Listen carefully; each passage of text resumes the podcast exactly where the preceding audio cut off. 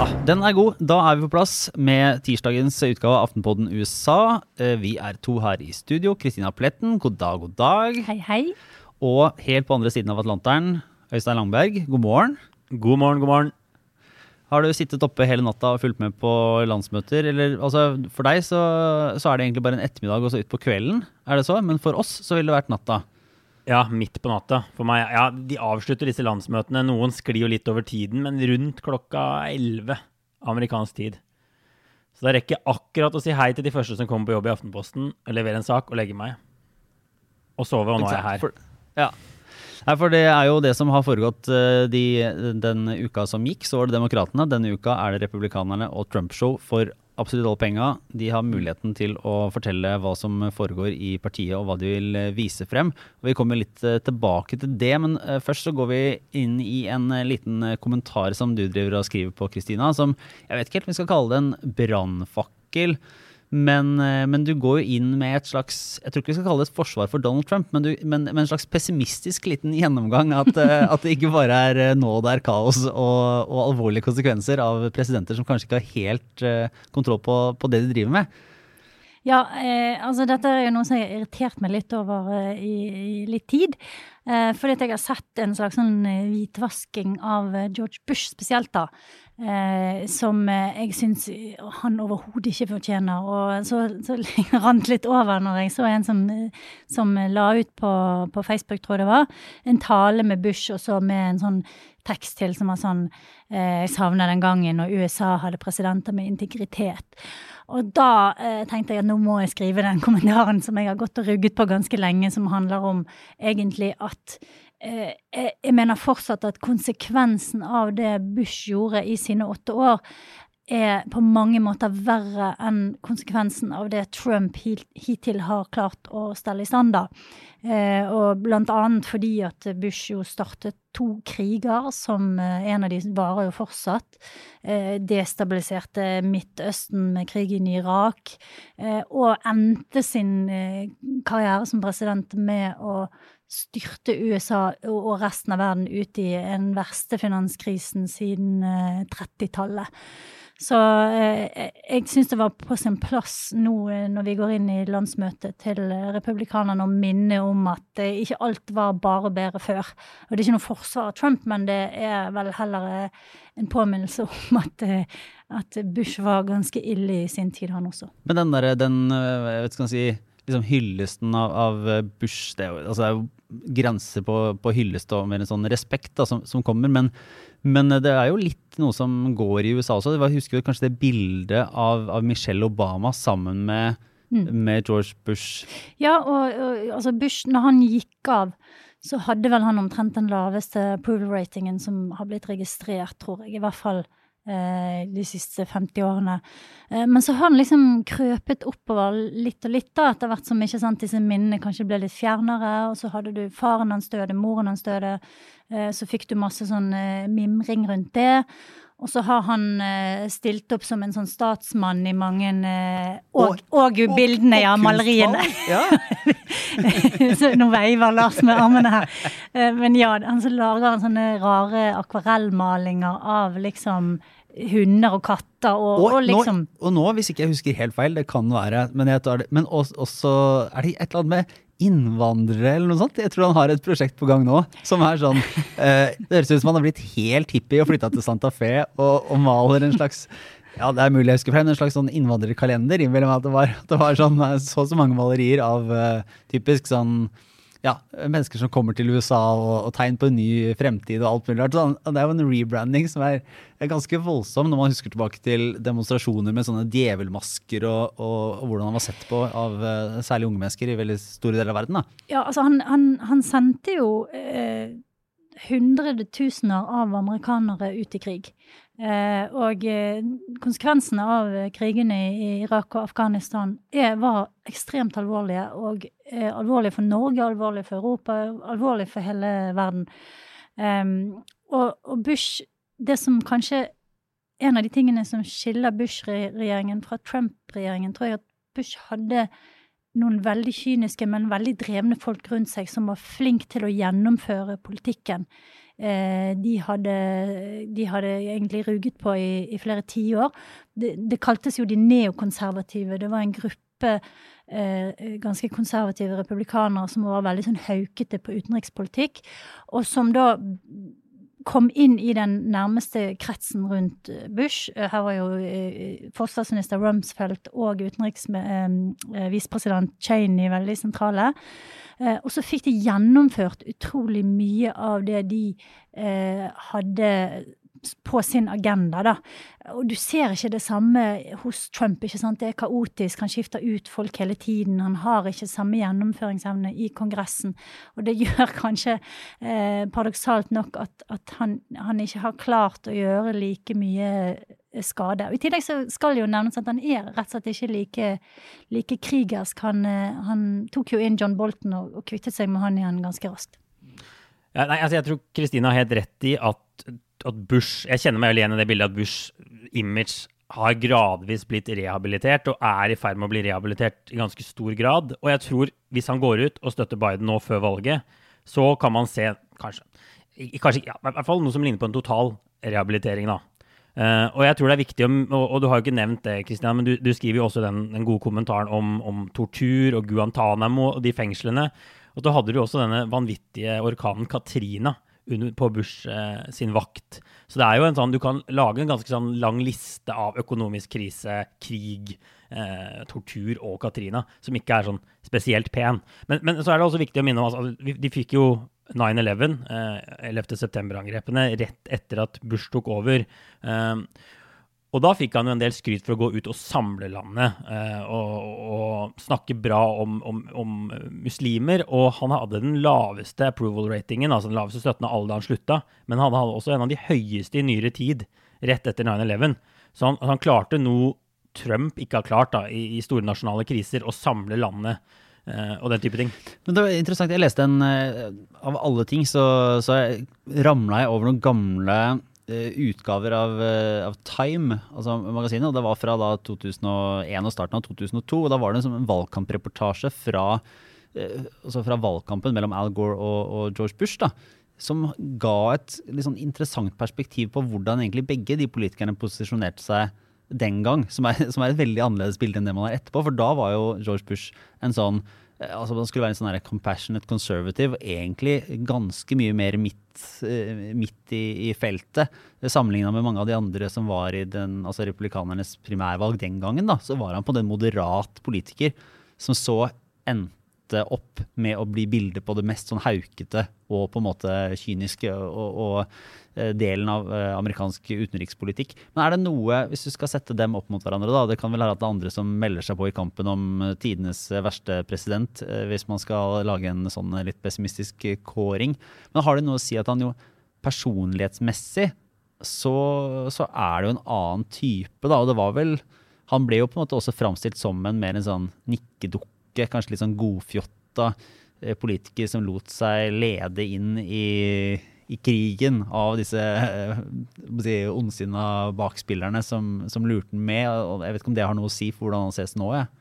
Altså, han ble jo ja, han ble, han ble jo veldig mye latterliggjort. Det var spesielt en, en, episode i valgkampen der han ble, han ble kvisset om, eh, om eh, hvem som var statsleder i forskjellige land, og kunne nesten ingenting. Jeg tror nesten aldri han hadde vært i utlandet en gang før han ble valgt som president, og hadde omtrent ikke hatt en ordentlig jobb før han liksom fikk en sånn lederstilling i et fotballag i Texas, og, og så ble han guvernør etter hvert, da.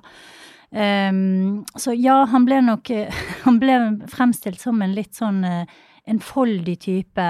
Mens det var jo egentlig broren Jeb som var liksom den smarte og skulle være arveprinsen, da. Og så kom George og, og kuppet det. Um, men eh, samtidig så ja, han hadde en høy approval rating etter 9-11, men han gikk jo også veldig hardt ut og sa sånn enten er du med oss, eller så er du vår fiende. Han definerte dette her ondskapens akse, der han trakk inn eh, Iran og Nord-Korea. Eh, han, eh, han var jo heller ikke noen samlende type eh, på noe som helst måte, tenker jeg da. Han, han, han gikk riktignok til valg ja, på å være compassionate conservative, men det, var ikke veldig mye han gjorde i praksis for, uh, for å liksom uh, sette det ut i livet. Det skal sies at han, han hadde et veldig stort prosjekt i Afrika eh, som betød mye for bekjempelsen av aids, faktisk. Noe som kanskje har kommet litt i bakleksen, da. Men eh. Altså jeg tenker at En viktig forskjell på Bush og Trump er at Bush var jo mye mer en sånn i hvert fall når man ser ting i ettertid, Han jobbet mer innenfor systemet. Han var en mer tradisjonell politiker. Jeg tror det er derfor han er lettere å svelge for oss i dag enn Trump. Uh, og så er det sånn at sånne presidenthistorikere de lager jo sånne rangeringer uh, av presidenter, og de har faktisk laget en av Det har faktisk laget flere, uh, hvor Trump er blitt plassert på bunn tre. og da er han plassert sammen med James Buchanan og Andrew Johnson, som jo var før og etter Abraham, Abraham Lincoln og som da har liksom fått sånn halvveis kritikk for å ikke gjort noe for å stoppe, starte, stoppe borgerkrigen. Altså dette er folk som, som virkelig har fått elendige ettermæler. Uh, og bare for å si det, det var jo før covid-19. Uh, eh, og jeg tenker at det kommer helt sikkert litt an på om Trump blir gjenvalgt, og, og sånn på hva slags ettermæle Trump får. Uh, men jeg tror det var lettere å argumentere, sånn som Christina gjør, at Bush og Trump, altså at Bush kanskje gjorde verre ting enn Trump i januar enn det kanskje er nå. Eh, og det Bush aldri gjorde, da, eller ikke i samme grad som Trump i hvert fall gjorde, er jo de der angrepene på de amerikanske institusjonene. Eh, senest i går så sier Trump hvis han kan ikke tape dette valget. For hvis han taper, så er det fordi demokratene har juksa. Og den måten å rive ned demokratiet på, da, den er jo, og, og, og troen på, på, demokratiet på, er jo ganske unik for Trump. Og så har du covid-19, som jo kommer til å antageligvis har ganske mye å si for Trumps ettermæle. Eh, han, hadde jo, han har jo ikke skyld i, i, dette viruset som kom til USA, men, men eh, ja, siden i sommer da, så har det jo dødd Hvis man ser på Europa, så har det dødd 10 15 000, og her i USA har det jo dødd 70 80 000. De har jo ikke klart å flate ut den kurven, og det er jo enorme tall. Eh, Trump har ikke skylda for alt det, men, men når man leser hva historikere skriver, så gir i hvert fall Trump deler av skylda for det. Men det kommer til å være ja, altså, eh, Henge med han. Bush var kanskje ikke like skarp i retorikken, men han ehm, For eksempel da så gikk jo USA til krig, altså de invaderte Irak på egentlig eh, feilaktig grunnlag, der Bush-regjeringen, både Bush og Cheney, gikk ut og eh, påsto at Saddam Hussein hadde hadde masseødeleggelsesvåpen. En, en gjennomgang som Senatets eh, etterretningskomité gjorde seinere, viste at, eh, at, regjeringen rett og slett hadde underslått at det var stor uenighet i etterretningskretser og eh, i de rapportene som var fremlagt, om det virkelig stemte. Så de, de, de gikk på en måte til krig på et grunnlag som de visste ikke var så tydelig som de hadde sagt. Og, og, og, de satt folk i fengsel uten rett og dom, eh, også amerikanske borgere. Så det, det å hevde at, de, at, han ikke angrep eh, demokratiske institusjoner, det tenker jeg er litt Det er ikke helt rett, da, Øystein. Mm. Men hvis vi, eh, hvis vi, nå bare eh, passer oss, Går vi i felle, den klassiske sånn norske fella ved å peke på eh, republikanere som de verste, verste, presidentene og demokratene som, som heltene som prøver å rydde opp, eller er, er det hvordan ja, Hvis jeg skulle kommet med den liksom, høyreside-anklagen her, Kristina? Nei, altså Du kan jo ta en president som Jimmy Carter, som, som jo heller ikke var noen eh, stor president. da. Han har jo eh, fått eh, mye åtgaum med i ettertid, men han var jo en dårlig administrator. Han klarte ikke å, å trekke USA eh, opp av den krisen som det var på 70-tallet. Og, eh, og hadde, var, var, en lite effektiv president, da. Kanskje med hjertet på rette plassen. Eh, jeg tror også at Obama til dels har blitt overvurdert. Altså blitt, det har vært veldig lite kritisk gjennomgang av det han gjorde, spesielt i utenrikspolitikken, der jeg tenker at han eh, har en del å svare for. Eh, men han var jo heldig, ikke sant, for Trump kom inn og bare startet sirkuset med en gang. Så det var, har ikke rett og slett vært verken tid eller overskudd til å egentlig se, se med kritisk blikk på Obama. Da.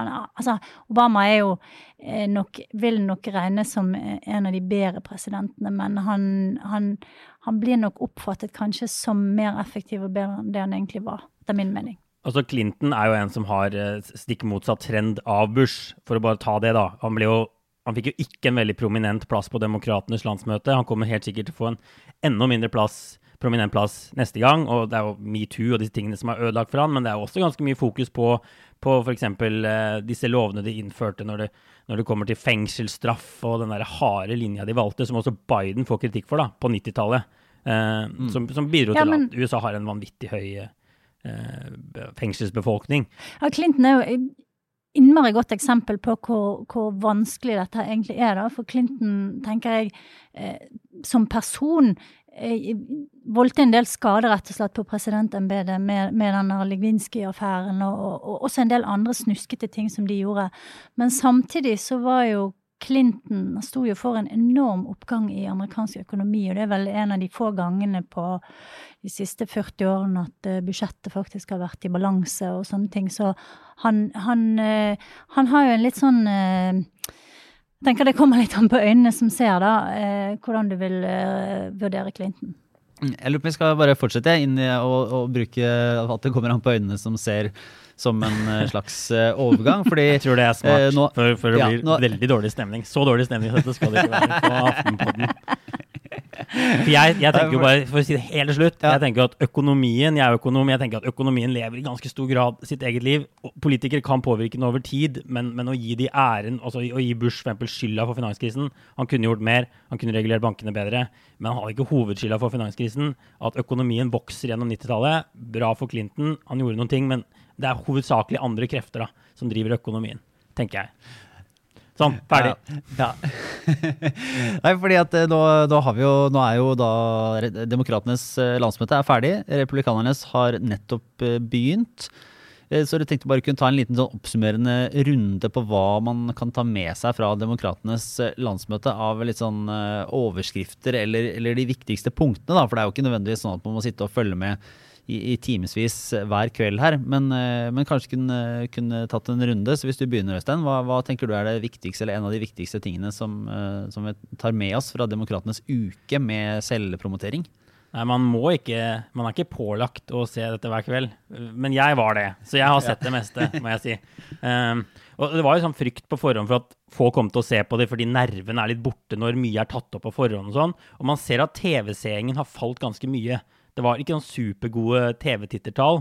Og så sier demokratene uh, det er fordi folk streamer mer enn før, men det er alltid vanskelig å si hvor mye en, sånn, en som har vært innom en, en, stream, egentlig betyr. da. Eh, de har jo bedre metode for å måle TV-titting. TV uh, og bare for å ta det først de har denne, Vanligvis så får jo politikere sånn, et hopp når de gjennomfører bra landsmøter på målingene. De, får en økt oppslutning. Og Foreløpig ser vi ikke noen sånn voldsomme tegn til at Biden har fått det. men det er litt tidlig å si noe om. Eh, men, men jeg, bare, jeg, tenker det viktigste, uh, og den tingen jeg vil trekke fram, er kanskje Bidens tale. Uh, og Jeg skrev også en sak om det. Trump har jo brukt ganske mye tid, og kampanjen hans har brukt ganske mye tid på å fremstille Biden som, om ikke fullstendig senil, så ganske senil og ganske forvirra. Uh, og det har jo bidratt til å senke forventningene noe voldsomt. Så når Biden kommer ut, uh, snakker i hele setninger, til tider hever stemmen og ikke tryner når han går inn på scenen, så har han jo på en måte levert over forventningene. Og når da Biden i tillegg holder en tale som får skryt også av i hvert fall de mer sånn sentrumsorienterte, uh, moderate folka på Fox News, så har han jo egentlig levert varene.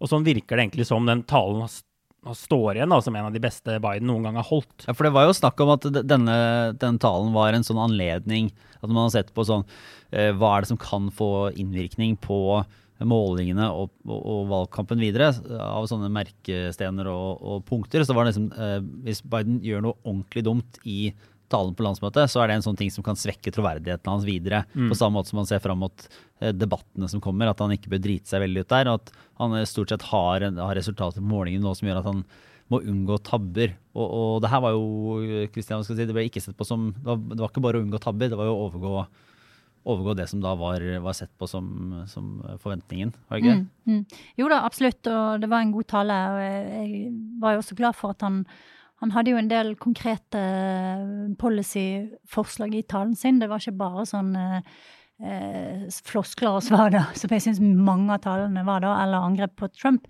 Så jeg er enig med Øystein at det var en veldig god og effektiv tale. Og det har vel, om ikke han har fått en eh, oppsving på målingene sånn direkte, så har han vel eh, fått en sånn eh, approval rating, som det heter, som er blitt bedre da, altså det er flere som har et positivt syn på han enn det var før. Så, så alt i alt så tror jeg at det egentlig gikk så godt som man kunne forvente, og kanskje litt til for demokratene. Mm. Han, bruk, han, han, han sa, sa vel ikke navnet til Trump engang i talen sin? Han snakket bare om presidenten. Ja, han snakket bare om presidenten. Og det var jo De som har vurdert denne talen, sier at det var jo ikke en typisk landsmøtetale. Var, han fremstår mye mer som en president. En mye mer presidentaktig tale. Uh, og det var kanskje derfor han også valgte å ikke, bruke, ikke nevne Trump med navn. Men Trump ble nevnt med navn mange andre ganger på landsmøtet, så det var ikke noe mangel på det. Hey, hvis jeg skulle bare ta en uh, ting som jeg beit meg merke i, eller som jeg syns var interessant, og som kommer til kanskje å bli, bli tydeligere også utover høsten, var jo, den, var det punktet at, at uh, Biden Det er jo en uh, måte å samle partiet på å ha disse landsmøtene, men han valgte jo tydelig å fokusere mer på å treffe hva skal si, midten av, av befolkningen. Altså han, han gikk seg, la seg mer moderat, et moderat spor enn at han gikk på en måte kom i hermetegn de radikale i møte. Det var jo, Hvis som så på taletid og hvem de hadde henta inn, så var det mer på, på hans liksom, som person, at hun skulle få sympati med, med, Joe Biden, og at man eh, henvendte seg til på en måte, eh, om ikke akkurat høyresiden, så de som er sånn, altså, svingvelgerne, da, og de som kan, kan vippes, eh, vippes, til demokratisk side. Det var jo det er jo sånn som du kan gjøre når du ligger godt an på målingene og du må vinne eh, over Donald Trump. Men det er også interessant med tanke på spenningene i Det demokratiske partiet fra venstresida, på, på om de føler at det er egentlig nok, eller om de nå frykter en glidefrukt fra, fra Joe Biden inn mot uh, klassiske moderate 47 år i, i senatet tradisjonelle politikeren som ikke kommer til å stå helt ved deres side. Om det kommer til å, å bli spenninger av det, eller om det, om det tas godt imot. Det, det, er vel eh, altså Både det jeg har sett nå av republikanerne, og det inntrykket jeg sitter igjen med fra demokratene, er vel at begge tror at det er i forstedene eh, slaget om dette valget vil stå. Eh, de, de, taler mye til eh, folk i suburbia begge partier. Eh, og det du så på, på Demokratenes landsmøte, var jo at Eh, så eh, frafalne republikaner, hvis man kan kalle det det. da, Christine Todd Whitman, fra tidligere guvernør i New Jersey, John Kasich. Eh, også Colin Powell, som var utenriksminister til Bush, og for øvrig den mannen som satt i FN og, og la frem disse her eh, påstandene om at Saddam Hussein hadde masse ødeleggelsesvåpen. Han satt eh, og fikk taletid til å, mm. til å gi sin støtte til til Biden. Mens f.eks. partiets største unge stjerne, Ocasio, Alexandria Ocasio-Cortez, fikk vel ett minutt eller noe sånt. Så. Ja, hun ble bare, eh, hun fikk holde en slags sånn introduksjon eller sånn støttetale som var en slags formalitet for, for Bernie Sanders, som jo teoretisk sett skulle ha noen av disse valgmannsstemmene fra, eh, fra de, eller hva skal man si, representantene fra de ulike statene.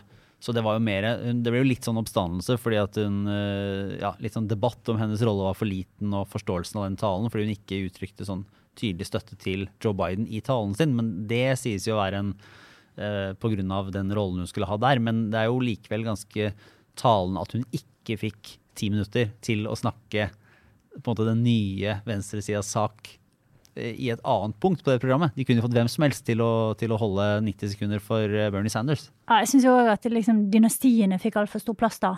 Altså Det var liksom uh, herr og fru Obama og herr og fru Clinton. og de, Jeg syns de kunne godt ha gitt uh, Ocasio-Cortez og den relativt store fløyen på venstresiden bedre plass. Warren fikk vel uh, for så vidt uh, Eh, litt mer eh, rom og tid, da. Men, men, uansett, det sier jo også noe om hvor makten i partiet fortsatt ligger. Ja, og det, det sier nok noe om at de mener at de har med seg denne gjengen på ytre venstrefløyen. Og, og, og, det er interessant å se Bernie Sanders jo, holder jo virkelig sånn flammende innlegg for å stemme på Joe Biden. Og i, i det jeg har sett ham både på TV og i talen sin nå, så snakker han ganske mye om at dette handler kanskje egentlig ikke så veldig mye om politikk i det hele tatt. Nå handler det om å redde demokratiet i USA er hans uh, nye linje da, for å få folk til å stemme på Biden. Så det kan hende de føler at det ikke lekker så mye ute på ytre, ytre venstresiden. De hadde også masse republikanske velgere som hadde da hoppa over til demokratene. Det var en video de spilte flere ganger, så det er tydelig at de satte inn støtet, som du sier, da, på sentrum og, og vippevelgere. Kristina, hvis du, var det noe du tar med deg videre som er verdt å følge med på?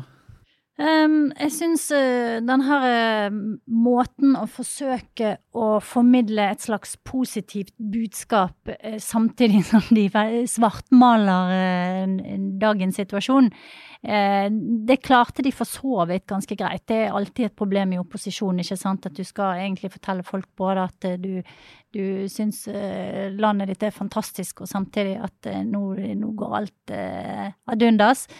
Eh, men eh, jeg er enig med, Øystein, og jeg syns at, eh, at, Biden klarte særlig da, klarte dette her veldig godt i, i, i sin tale. Altså at det er, der er håp, der er lys, kan, det kan bli bedre igjen. Alt, alt er ikke tapt, ikke sant. Men samtidig sier det men, men hvis, hvis Trump vinner i november, da, ja, da er det helt, helt mørkt. Ja. da faller vi utfor ut for stupet. Eh, så kan vi bare ta en, en liten runde på, på republikanernes eh, start. Jeg må si, Det er jo interessant da, å se For det formatet blir ganske annerledes, eh, eller potensielt annerledes, fordi det er, er digitalt eller ikke det er masse folk der. Men så er det jo også enda mer forhåndsredigert. For det er jo mange av de klippene og de talene virker det som, hvert fall. Det er jo ikke et liveshow de holder hver kveld der de samler folk som skal snakke. Jeg, jeg forutsetter jeg. at det, det, ser ikke sånn ut i hvert fall. Så det er spilles inn på forhånd, er ikke det? Det er altså mye, da. Det er, det er, litt uklart hva som blir spilt inn på forhånd og ikke, og det er litt sånn irriterende at det ikke står hva som er live. Uh, og I går så, de, så, trodde jeg mye av de talene var live, fordi de har lagt opp til mye mer taler hos republikanerne. Mer sånn klassisk opplegg. Du kommer ut, holder en tale, går tilbake, så kommer det en ny person ut. Uh, og, men visstnok var ganske mye av det faktisk også gjort på forhånd. Um, så det er litt vanskelig å si, men noe, noe er live, ja.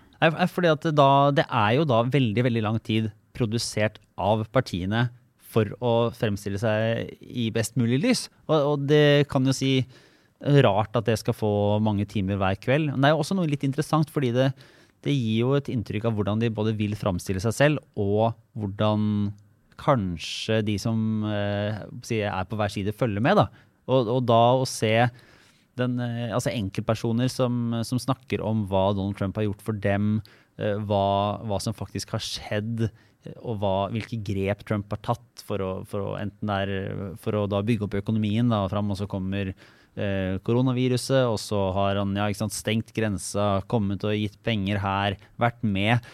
Og jeg, jeg tok meg i å tenke at hvis du ikke følger med på den liksom, større debatten om hva som skjer, så er det jo Så kan du sitte og se på det og tenke at ja, han ganske, han kjemper mot systemet, Trump, og er, er en, en, håndfast, liksom, aktiv fyr som får ordna opp og gjort ting. Så, så ble, det var litt sånn Ja, hvis det er sånn man ser på det, og det er det hvis man kommer ganske blank på, så tror jeg man kan bli litt eh, positivt, om ikke overraska, så i hvert fall få inntrykk av at, at, det skjer mye bra. Det er jo utrolig viktig å minne om for hundrede gang at uh, veldig mange amerikanere ser et helt annet narrativ om Trump enn det vi får servert her i Norge, og det venstresiden i USA får servert. De lever i to forskjellige verdener. Det jeg tror er utfordringen til republikanerne, er på en måte litt det samme som demokratene. At de skal balansere en positiv og en negativ eh, message. Eller budskap, heter det på norsk.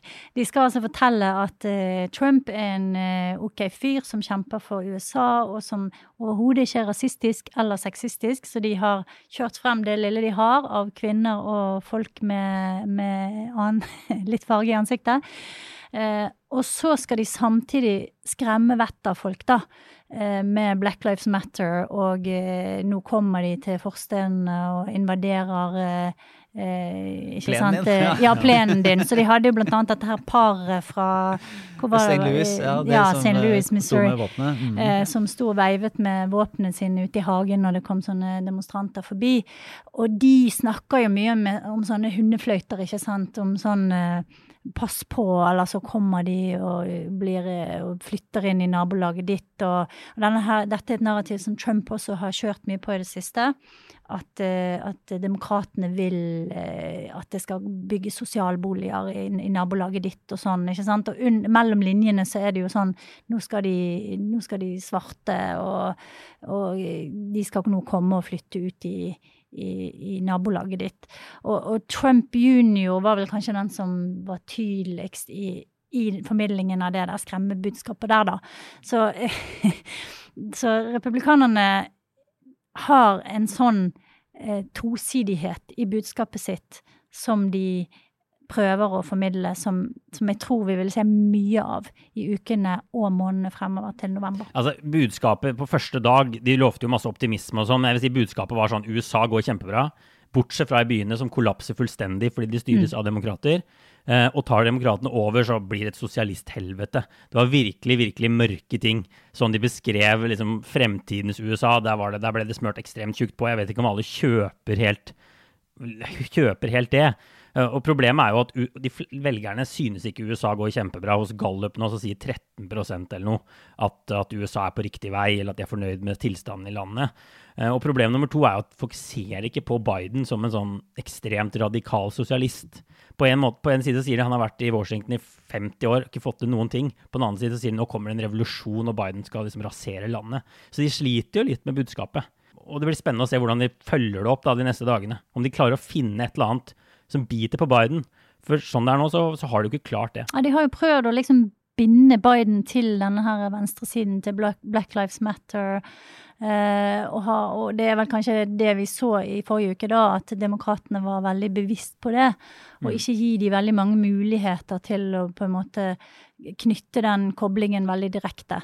Eh, men, eh, men, jeg tror at eh, til syvende og sist så er det dette er et budskap til Eh, til folk i forstedene som Og det, det er vippevelgere i vippestater, i vippedistrikter, ikke sant. Så det er faktisk en ganske liten gruppe som tross alt avgjør eh, valgene. Mm.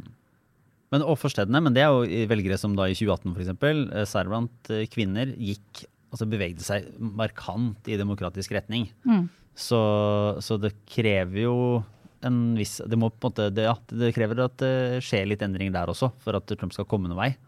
Ja, men det er velgere som er flytende, som, som ikke er på noen måte er, er sånn veldig trofaste til demokratene heller. ikke sant? Du har f.eks. en del distrikter rundt Philadelphia som kan vippe Pennsylvania, som kan bli veldig avgjørende. Eh, du har det samme i Virginia, du har det samme i Ohio, som kanskje nå ligger mer på på republikansk side, da. Men uh, det er innmari interessant, og jeg tror spesielt i de distriktene rundt Philadelphia skal, skal man følge tett med og vil, vil, gi en god indikasjon på hvor dette går. Jeg kan love at jeg skal ta meg en tur der i løpet av noen uker. Nå. Ja, det må du gjøre. Ja. Jeg lurer på om vi skal runde av med en, med en runde med, med, obligatorisk refleksjon, eller det som denne uka kanskje er mer sånn det tabloide hjørnet. For der, eh, jeg vet, det kommer i hvert fall et par uh, ordentlig, ordentlig, fine saker på, på, gang der. Jeg lurer på om jeg bare skal begynne med en, eh, en historie som som er, ja, er veldig, veldig, rar og fascinerende. For du har jo da i USA så har du en del av disse superpredikantene og, og historiske sånne, altså kirkeledere som kommer inn og, danner seg menigheter som blir kjempesvære. og Så er de ofte på TV, og så samler de inn penger, og så starter de ulike virksomheter. Og så er det et sånn sammensurium av åndelighet og business og, og politikk. da. Og en av de som virkelig bygde seg opp stort, det var vel det, jeg vet ikke helt når han begynte, men, eh, men han eh, var i hvert fall opp igjennom 70-tallet og 80-tallet og egentlig fortsatt. altså Jerry Falwell, som var eh, altså senior, starta bl.a. dette universitetet Liberty University i, på slutten av 70-tallet en gang, og, og har, vært, har, tatt imot jeg tror det er 100 000 studenter. Det er sikkert en del fjernstudier og alle ting, men det er i hvert fall en sånn svær bevegelse. Og Eh, han eh, døde vel for eh, noen år siden, og da var det da Jerry Folwell jr. som tok over som, som sjef blant annet på dette universitetet, og har på en måte arvet litt sånn sin fars rolle som en viktig personlighet i det sånn evangelisk-kristne miljøet, som også da er en sånn viktig politisk gruppe, særlig for republikanerne. da. Og nå kommer det fram en utrolig fin og frekk liten historie der Folwell måtte ut og fortelle at, um, at han selvfølgelig hadde vært gjennomgått noen depresjoner, det var så vanskelig fordi uh, kona hans hadde innleda et forhold til en ung mann for noen år siden. De hadde nå blitt uh, vel forlikt igjen, og alle synder, og han hadde sett at han selv ikke hadde hatt uh, sin uh, sti helt ren. Og, og, det var i det hele tatt mye der. Så de var sammen igjen, og alt var bra. Og så viser det seg at det var jo på en måte en slags føre-var-kommentar til denne da unge mannen, som nå er 29, forteller om et syv år langt forhold, eller påstår da, at han har hatt et syv år langt forhold til kona til Jerry Falwell jr., som eh, også må sies å på et vis inkludere Falwell selv, som skal ha, ha fulgt med på, vært klar over og understøtta dette forholdet. I, og ikke nok med det, så kommer det da eh, Michael Cohen, altså advok tidligere advokaten til Trump, og fikseren, som nå har vendt seg mot Donald Trump, kommer inn her og var en slags rådgiver for Folwell på, på et tidspunkt og var vel involvert i prosessen som førte til at Jerry Folwell i 2016, i hvert fall før valget i 2016, gikk ut med tidlig støtte til Donald Trump. Så noe som gjorde at Trump fikk en slags aksept blant uh, de evangelisk-kristne velgerne. Så ligger det jo et åpent, og dette er uh, foreløpig mer en sånn Twitter-konspirasjonsteori, Eh, i hvilken rolle Cohen har hatt i å få skvisa til eh, den støtten, da, den offentlige eh, støtten til Trump. Er det omtrent en, en gjengivelse som gir mening? Og et bilde med buksesmekken nede som jeg, ja. jeg, ikke har sett Jeg tror det kommer mer her, for å ja. si det sånn. Altså, det er en klassisk fin øvelse med sånne åndelige ledere som, eh, som uh, rulles opp. Uh, for dette er jo en ganske streng religiøs uh, gruppering som har på en måte ingen aksept for sex utenfor ekteskapet, bl.a.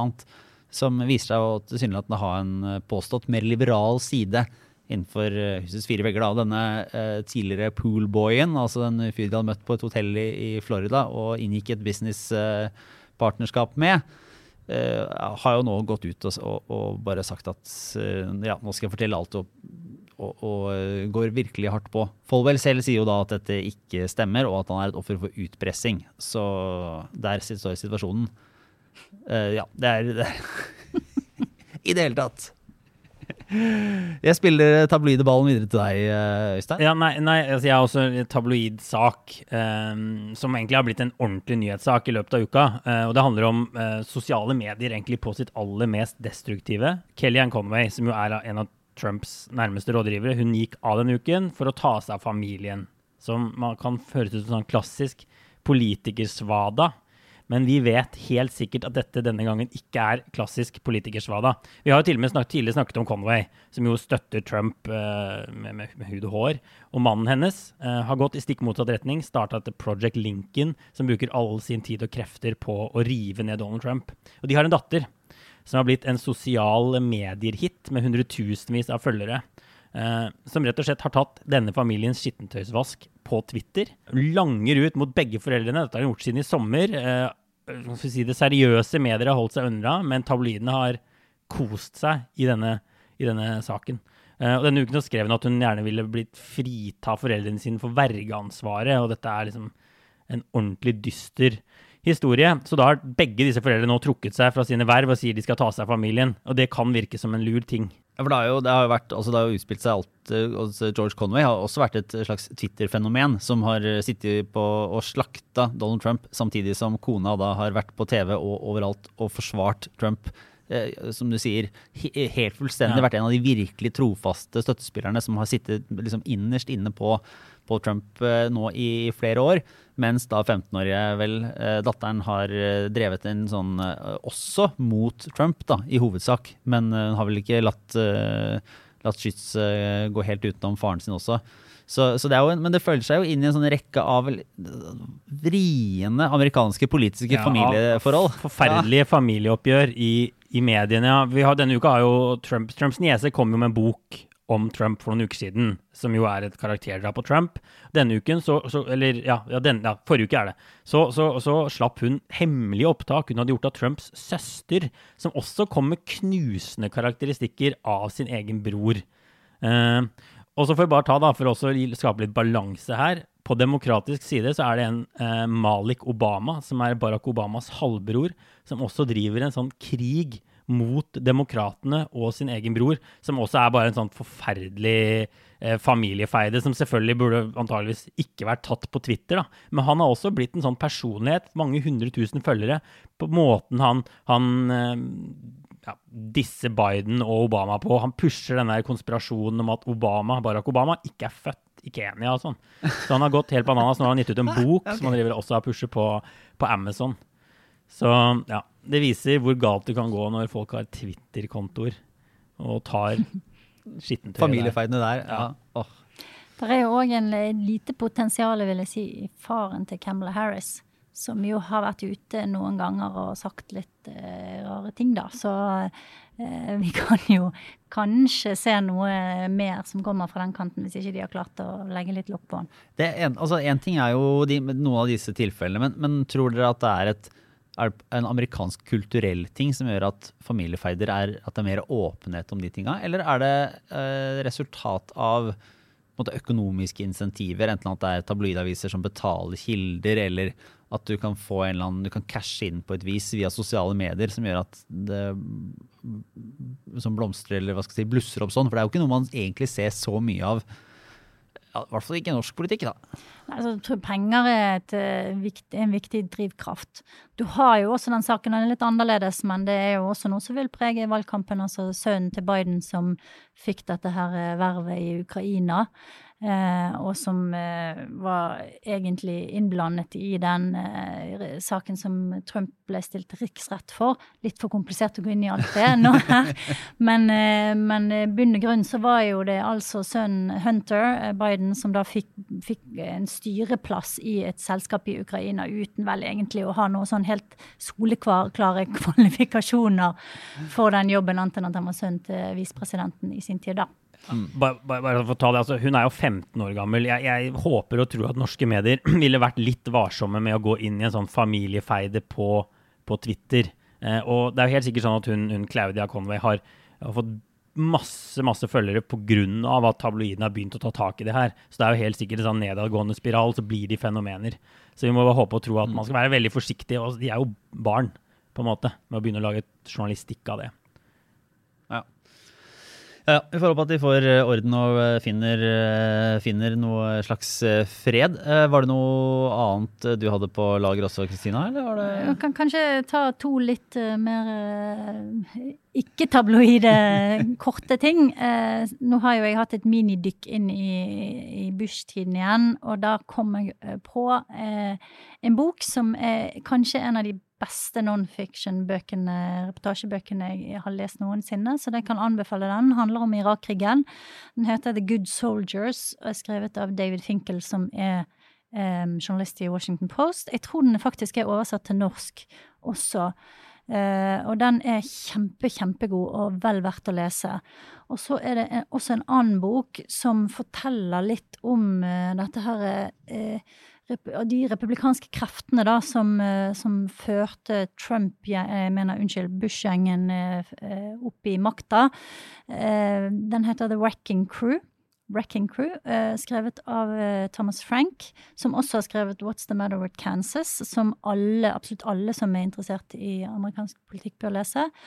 Og som også ble intervjuet i Klassekampen nylig, tror jeg, bare for en uke siden, eller noe sånt. Så det er mine Korte og ja, konsise anbefalinger, for å få litt uh, historisk perspektiv. Litt mer tyngde inn på, på, tampen der. Men det skal jo sies at disse Bare for å forsvare det tabloide hjørnet, så vil jeg jo si at, uh, at uh, både Falwell og Conway er viktige aktører inn i denne valgkampen. Eller kunne vært det, og er vel for, antageligvis da stilt på, på sidelinja av disse sakene. Enten det er det ene eller andre opphavet. Så det kan jo bli interessant å, å se hvordan det går også.